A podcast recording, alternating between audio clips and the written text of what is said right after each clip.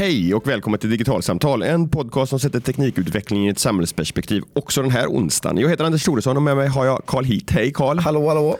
Vi ska prata Facebook, vi ska prata Mark Zuckerberg och vi ska prata kongressförhör idag. Ett med senaten och ett med representanthuset. Absolut. Det var ju eh, eh, förhör eh, för inte särskilt länge sedan här. Eller förhör, det, det, är ett hårt ord för det kallar de inte det i kongressen utan de har bett Mark Zuckerberg komma och, och berätta och svara på frågor. Och det är ganska ovanligt att en företagsledare blir inbjuden på det här sättet. Eh, både till eh, senaten eh, första dagen och sen till representanthuset dagen efter. De, de, senaste gången som liksom man pratar om i ett liknande sammanhang det var när, när Bill Gates var på besök på slutet av 90-talet om jag inte minns fel. Så det här är verkligen inte liksom något som tillhör vardagen. Eh, och de här förhören, eller samtalen, vad vi kan kalla det för, frågestunderna, de var ju eh, ganska fascinerande att se. Jag tittade igenom hela senatsförhöret och somnade halv tre på natten och, och eh, stora delar av eh, eh, representanthuset. Och du har tittat på, på delar av det också? Ja, det har jag gjort. Stora delar av senaten och, och eh, lite fragment från representanthuset. Vad, vad slogs du ut av? Vad, vad är liksom din stora eh, sammanfattade tanke kring det här? Alltså till att börja med så är det ju tycker jag liksom, i grunden så var det eh, liksom fascinerande. Jag tycker politik är oerhört intressant och som ett politiskt skådespel så var det här eh, en väldigt eh, intressant eh, eh situation där Mark eh, sitter själv vid ett bord i senaten och senatorer, en efter den andra, eh, kommer upp och har fem minuter på sig att ställa sina frågor. Och så som de här förfrågningsstunderna var liksom upplagd så liksom var bara hela liksom formatet på det gjorde att det liksom blev en ganska märklig stämning kan man väl säga. För Mark sitter ju där då och eh, eh, så kommer det upp en senator eh, och har fem minuter på sig att ställa sina frågor. Och Sen kommer nästa senator upp och har fem minuter på sig. Och det var ju så pass många som ville ställa frågor att det här senatsförhöret höll ju på i nästan fem timmar och då hade de bara tre fem minuters pauser under hela tiden. Och Mark eh, satt där och, och, svarade på frågor rakt igenom detta. Och det som då är intressant det är många olika saker, men om man bara tittar på senatorerna och liksom hur de ställde frågor och vad de pratade om, så var det ju Eh, till att börja med ganska tydligt att här handlar det om politiker som pratar utifrån sin väljarbas. Det var många av senatorerna som så att säga, tog spjärn ifrån frågor som var lokala i sitt sammanhang eller som ville eh, få fram eh, sin egen eh, politik eller sitt perspektiv i ett visst eh, sätt. Så, så för flera så handlar det här kanske inte särskilt mycket om Facebook utan mer om politik. Men eh, sen så var det ju många som såklart försökte eh, ställa kritiska frågor till, eh, till Mark. Men, men här hamnade man i en, i en eh, liksom ganska snabbt in i, i insikten att eh, den, den gemene senatorn har en mycket begränsad uppfattning om både hur internet funkar och vad Facebook egentligen är och hur det funkar. För många av de här frågorna som Mark fick Eh, de var liksom direkt plågsamma att lyssna på. Och man kunde verkligen se hur Mark ansträngde sig för att svara utan att liksom få någon att tappa ansiktet eller sådär. Det, det, det, jag slogs av när det gäller, när det gäller frågorna som ställdes eh, var också just det här den, den låga kunskapsnivån många gånger, men också någonting som, som jag redan lärde mig på, på Journalisthögskolan och det här att se till att man har, har detaljerna rätt, för annars är det det som, som någon kommer skjuta in sig på, även om den stora bilden är, är, är, är riktig. Och, och, Ett sånt där exempel som återkom hela tiden, det var att man, man formulerade frågorna som att att handla kring den att, att Facebook säljer användardata vilket hela tiden gav Mark Zuckerberg en, en nödutgång att inleda sitt svar och därmed ta upp en ganska stor del av just den här senatorns fem minuters slott. Att förklara att nej, men vi säljer inte användardata. Vi, vi, det är inte så som, som vår affärsmodell ser ut. Därför att det de gör är att de säljer exponering till till Facebook-användare för annonser. Men, men datan byter aldrig hand. Och, och, Det där blev någonting som Mark Zuckerberg fick upprepa ganska många gånger. Man funderar ju där på, ja, men lyssnar inte senatorerna på, på vilka svar Mark Zuckerberg har gjort, gett tidigare här under under den här frågestunden. Nej, I många fall så gjorde de ju faktiskt inte det. För de kom ju in när det var deras fem minuter, ställde sina frågor och gick igen. Så, mm. så, så, så, många frågor kom ju gång efter annan. Och precis som du var inne på så, så är det också lite grann sådär, som man frågar får man svar. Och eh, frågar man om eh, eh Facebook säljer användardata, då kan ju Mark svara nej.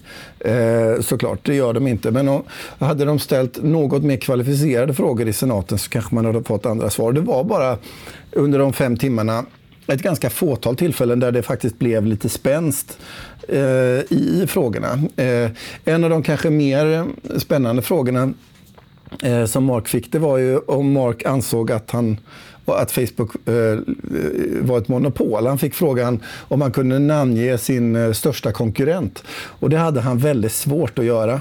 Och det där är ju en eh, viktig fråga i amerikansk politik. För eh, när företag historiskt sett har blivit väldigt stora eh, så finns det flera exempel. Mabel ett och Standard Oil eh, 1911 är ett annat där man eh, har valt att bryta upp stora företag eh, just på grund av att de haft en en monopolställning. Och det här vill ju naturligtvis inte Mark eh, råka ut för. Så han eh, gjorde sitt yttersta för att svara på den frågan, men man kunde se att det inte var helt eh, lätt att göra det. Nej.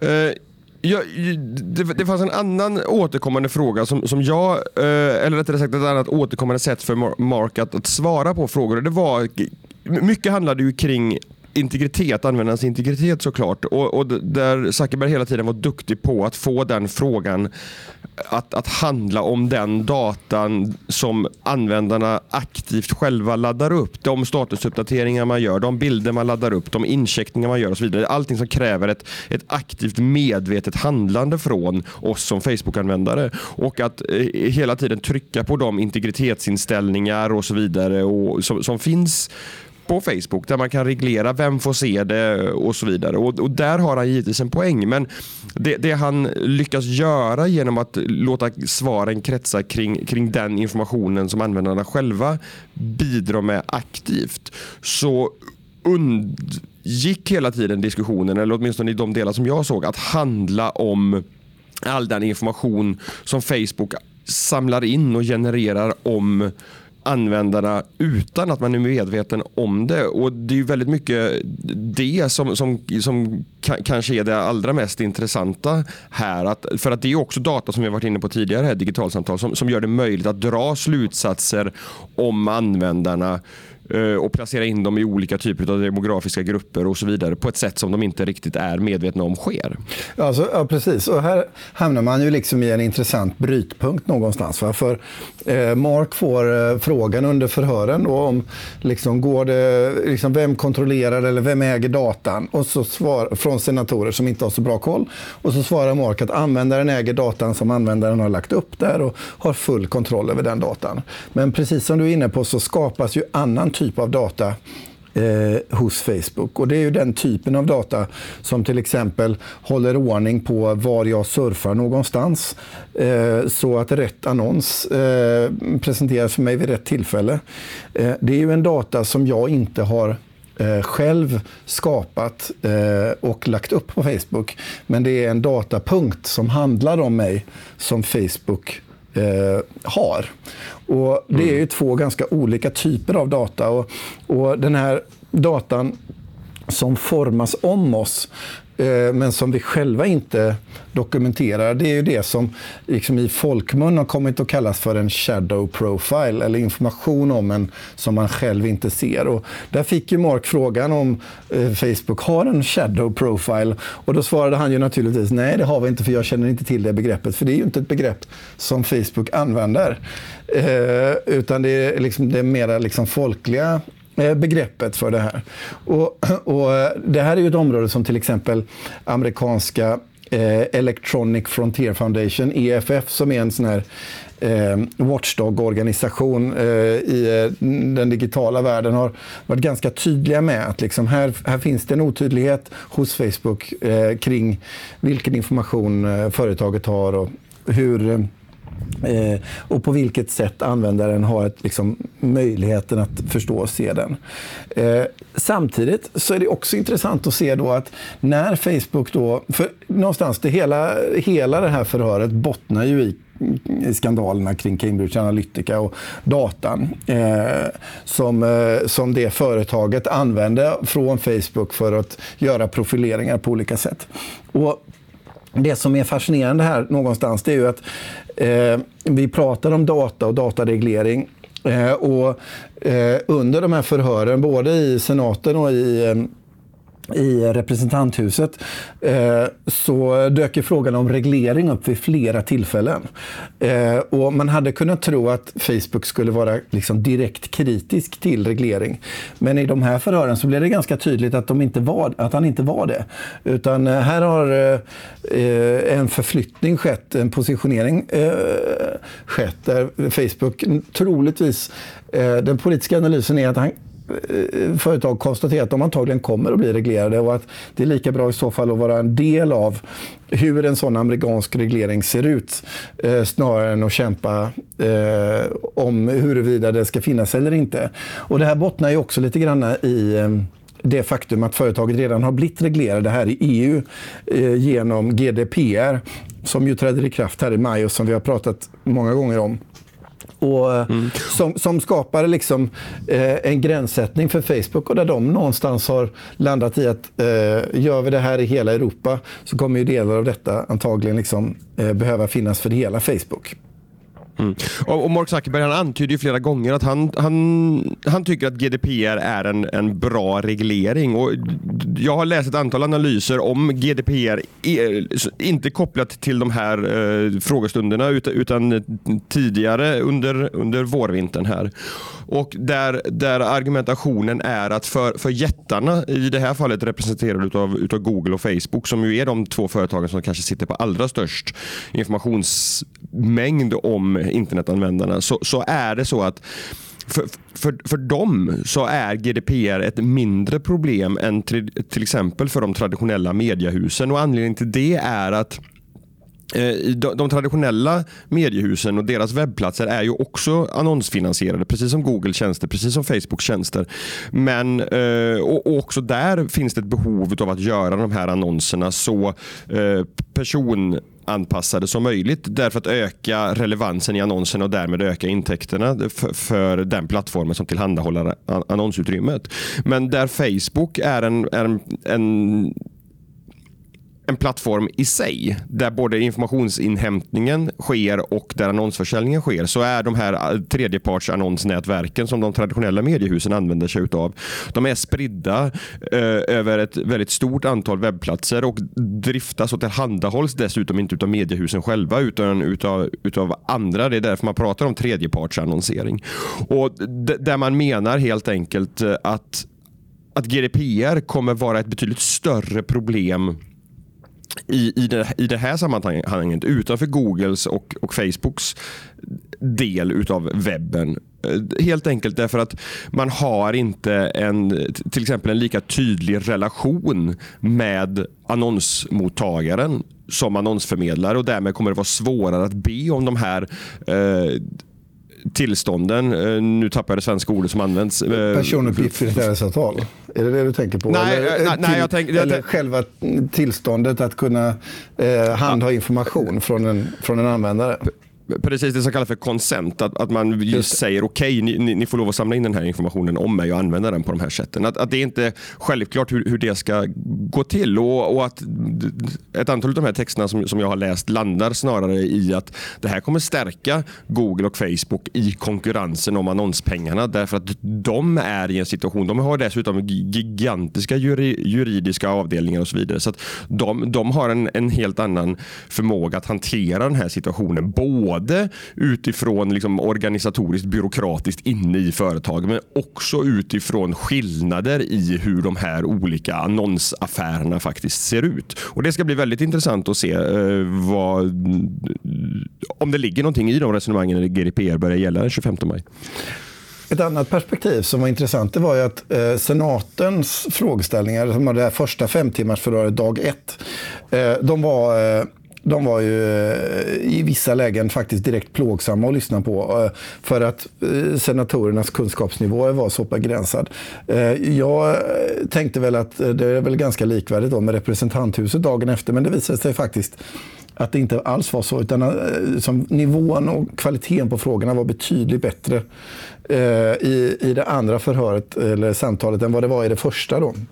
Och, och Det man kan väl landa i där, det var att liksom det, det, det dök upp en mängd eh, eh, tankar, tror jag, i, i den här konversationen som, som, som gjorde att liksom, politiken började eh, ja, få upp ögonen för liksom, vad innebär eh, den här typen av plattformar för, för, eh, våran, för våran demokrati. Och, och hur eh, förhåller sig användaren till det och så vidare. Eh, det var väldigt många, mycket samtal om till exempel hur användarvillkoren ser ut. Det var mycket liksom vardagsfrågor.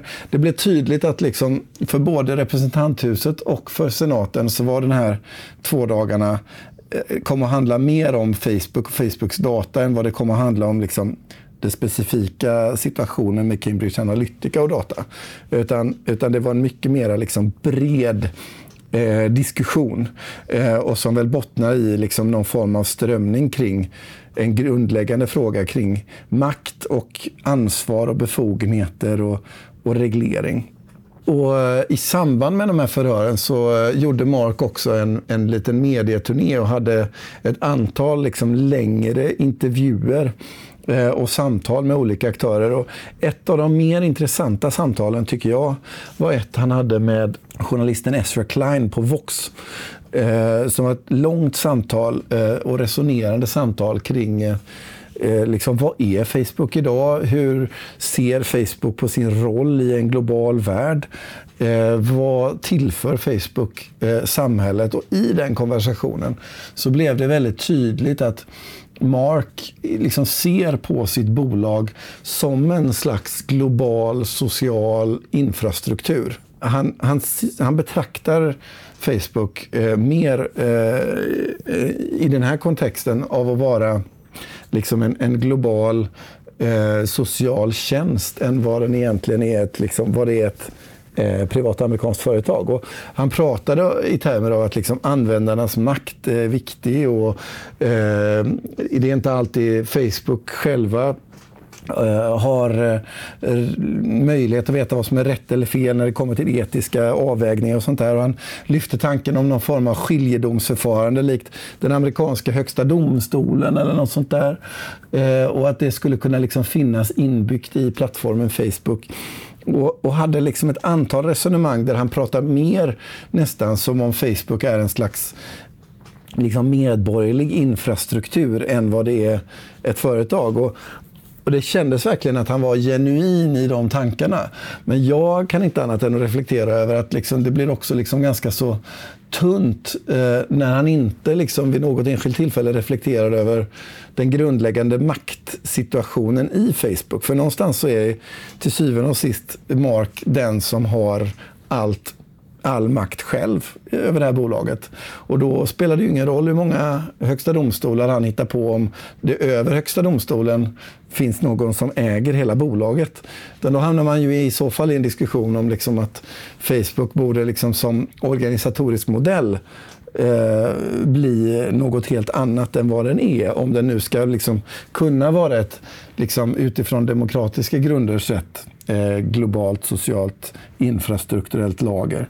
Eh, och där är vi ju väldigt långt ifrån eh, just idag. Men det är ändå tycker jag intressant att tänka att eh, Mark går i de typen av tankar det, det, finns en annan aspekt som, som slog mig, både kopplat till de frågorna som ställdes utifrån hur media har rapporterat om det och också de diskussioner som jag har sett i, i mina nätverk på Facebook efteråt. Och det, det handlar om kopplingen mellan hur, hur, Facebooks affärsmodell ser ut och den data som samlas in.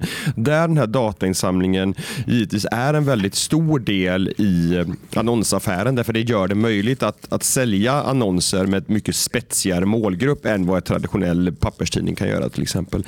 Men, men däremot så är, är det ju ett, ett, en, en tankevurpa att tro att det bara är affärsmodellen det handlar om som gör att det finns ett intresse för den här typen utav, utav datainsamling. Därför att det är ju så att väldigt många webbplatser idag och tjänster är eh, personanpassade på olika sätt.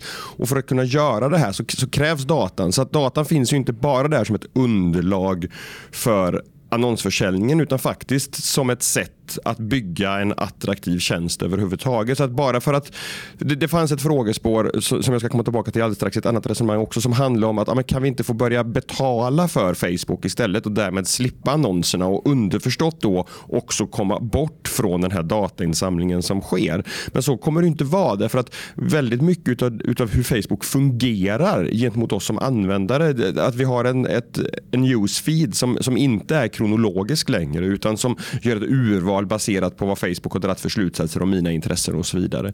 Det, det är också någonting som vi behöver inse och, och reflektera över det här att, att, att att data inte bara är en, en råvara i annonsaffären utan också ett verktyg för att bygga tjänster som användarna vill ha. Eh, och Den andra liksom reflektionen som, som jag gör sammantaget efter det här är att det, det, finns många naturliga skäl till att fokus är stort på Facebook just nu. Vi har Cambridge Analytica. Facebook är det största sociala nätverket vi någonsin har sett och så vidare. och så vidare och så vidare.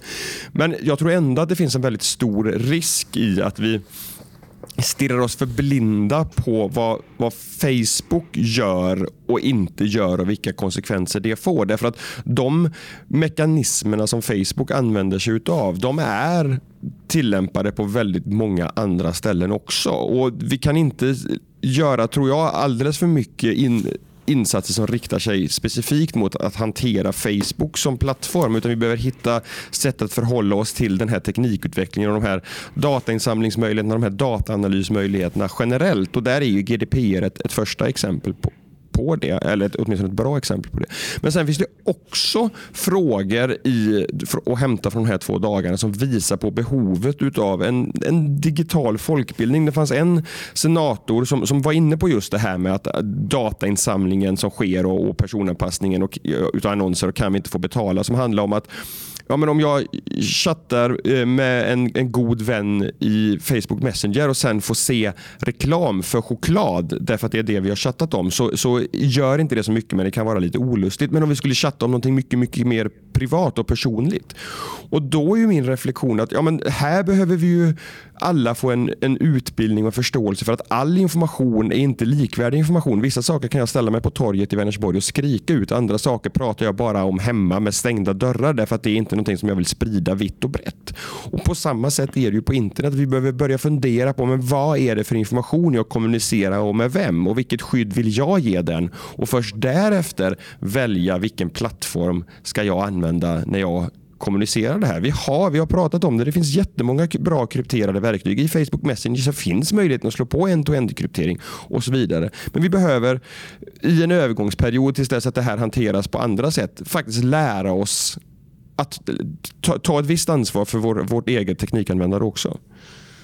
Ja, alltså jag, jag håller med om det och det blir också tydligt eh, om jag skulle ge mig på någon form av liksom generell reflektion av de här två dagarnas eh, eh, samtal i senaten och i representanthuset och sen de här eh, intervjuserien som Mark gjorde runt omkring. Och det är väl att alltså, det finns ju absoluta skäl till att Facebook är i centrum för en sån här stor eh, diskussion just nu. Dels så är ju Cambridge Analytica eh, debaclet eh, är ett väldigt allvarligt eh, en, en väldigt allvarlig situation, inte minst i, i Storbritannien eh, där eh, Cambridge Analytica eh, tycks ha påverkat Brexit i en omfattning som, som eh, verkligen är grannlaga och där liksom det pågår ett stort politiskt efterspel. Så det är inte konstigt att Facebook är i, liksom verkligen eh, i, i, i strålkastarljuset just nu av det skälet. Och, och som du var inne på också, för att det faktiskt är Eh, ett av de absolut största företagen på nätet eh, just nu. Eh, och med en alldeles enastående mängd människor där. Så jag, jag, tycker inte det är konstigt. Men det är klart att när man tittar på liksom åtgärder kopplade till hur man hanterar användares data och vad är förhållandet mellan mig som individ och företag och, och, stater och vem äger vilken data i vilket sammanhang och så vidare. Det måste ju rimligen vara generella frågor och precis som du är inne på så är GDPR ett eh, sånt steg. Eh, jag tror att det här egentligen bara är början på en mycket större konversation som handlar om eh, digitala tjänster och vad de innebär för vårt offentliga samtal och vad de innebär för eh, hur en modern eh, digital stat fungerar egentligen. Eh, för det är ju ganska tydligt eh, att liksom klyftan mellan de här senatorerna eh, och eh, eh personerna i representanthuset och deras kunskap och den här plattformen, den är jätte jättestor. Och man kan verkligen fundera över liksom, i vilken utsträckning det är möjligt eh, för politiken att ta fram juridiska eh, Eh, bra förslag eh, för att hantera den här framväxande digitala världen som inte liksom sänker de här tjänsterna fullständigt. Eh, för jag menar någonstans så vill ju, ja, men jag, eh, jag tycker om Facebook som tjänst. Jag använder den ju precis varje dag. Ehm, och jag är ju inte liksom på individplanet intresserad av en eh, reglering som blir så pass långtgående att jag faktiskt inte kan använda de här tjänsterna. Eh, samtidigt som jag ju såklart vill känna att jag kan använda dem på ett, på ett rättssäkert sätt där jag känner mig trygg. Eh, och just den här liksom, de här större och breda frågorna Eh, de, de, de, är viktiga och de kommer fortsätta vara det. Och, och inte minst eh, utifrån det du var inne på tidigare, att eh, frågorna om data och datahantering och sådär, de är ju naturligtvis mycket, mycket större än bara Facebook. Det handlar ju om alla företag och alla stater och hur, eh, hur vår data tillhandahålls på nätet på olika sätt. Ja, och jag, jag tror till syvende och sist någonstans att det här jag, jag, såg resonemang också om att ja, men, nej, men politikerna kan inte så mycket därför att de är eh, spegelbilder utav hur, hur, och ska vara av medborgarna och medborgarna kan inte heller de här sakerna. Men jag tror att vi är faktiskt i en situation där vi måste visa ett större intresse för, hur, för att förstå hur tekniken fungerar. Därför att tekniken, den här tekniken som vi pratar om nu med datainsamling, dataanalys, personanpassningar, slutsatser och allt vad det nu kan vara. Den, den drar eh, väldigt långt. Den, den, den, den, har en potential att påverka på, på sätt som vi inte riktigt är vana vid att tidigare teknikutvecklingar faktiskt gör. Och, och där eh, behöver vi, tycker jag, se till att, att de som är beslutsfattare, inte minst om hur den här tekniken, både hur den ska regleras men också hur den ska användas. Vi har varit inne på tidigare, nu drar jag iväg en tangent här, men, men, men hur, hur de här verktygen appliceras i offentlig sektor till exempel. Och, och här måste vi se till att, att inte makten bara, att förstå, inte bara utgår ifrån de som, som bygger verktygen utan att, att hos oss alla som använder dem och påverkas av dem att det finns en grundläggande förståelse för möjligheter och problem här. Och Det, det är ju liksom någonstans hela utgångspunkten för den här podden. Nej, äh, verkligen. Och man kan väl säga att jag, jag måste säga att jag tyckte det var bra att de här eh, eh, att Mark kom till senaten och, representanthuset och att de här samtalen ägde rum. För det belyser ett antal Eh, problematiker som, som, eh, som du eh, pekar på här. Alltså just det här problematiken och gapet i liksom, vad vet vi, vad behöver vi kunna och hur, hur rustar vi oss själva och samhället för att kunna liksom vara starka i en tid av kraftig digitalisering. Det, det, finns ju en aspekt här till som är intressant och det är ju att vi, vi pratar om ett amerikanskt företag här där eh, den brittiska regeringen ju har, har bett om att få Mark Zuckerberg eller någon av hans eh, närmaste medarbetare till, till Storbritannien för att svara på frågor om påverkan i, i Brexit. Medan eh, än så länge, så vitt vi har förstått, har det inte ens kommit något svar på den förfrågan. Och, och det, det, visar ju också på en, på en utmaning i teknikens påverkan och, och, konsekvenser. Men om Mark Zuckerberg eller någon annan på Facebook tar sig till Storbritannien så lär vi säkert återkomma med svar på och diskussioner kring de eh, saker som kommer fram där också. Men för nu så är den här veckans avsnitt utav Digitalsamtal slut. Surfa gärna iväg till Facebook och gilla vår sida där som givetvis heter Digitalsamtal där vi postar avsnitt och lite annat också. Både Karl och jag går också att hitta i Facebookgruppen Digital samhällskunskap där ni gärna får diskutera de samtalen som vi har här. Har ni en fråga till oss, tveka inte att höra av er. Vi finns på Twitter på digitalsamtal och på e post som podcast digitalsamtal.se. Gillar ni det här samtalet eller något tidigare, jättegärna en positiv re- recension heter det på iTunes. Men med det på återhörande om en vecka. Hej så länge!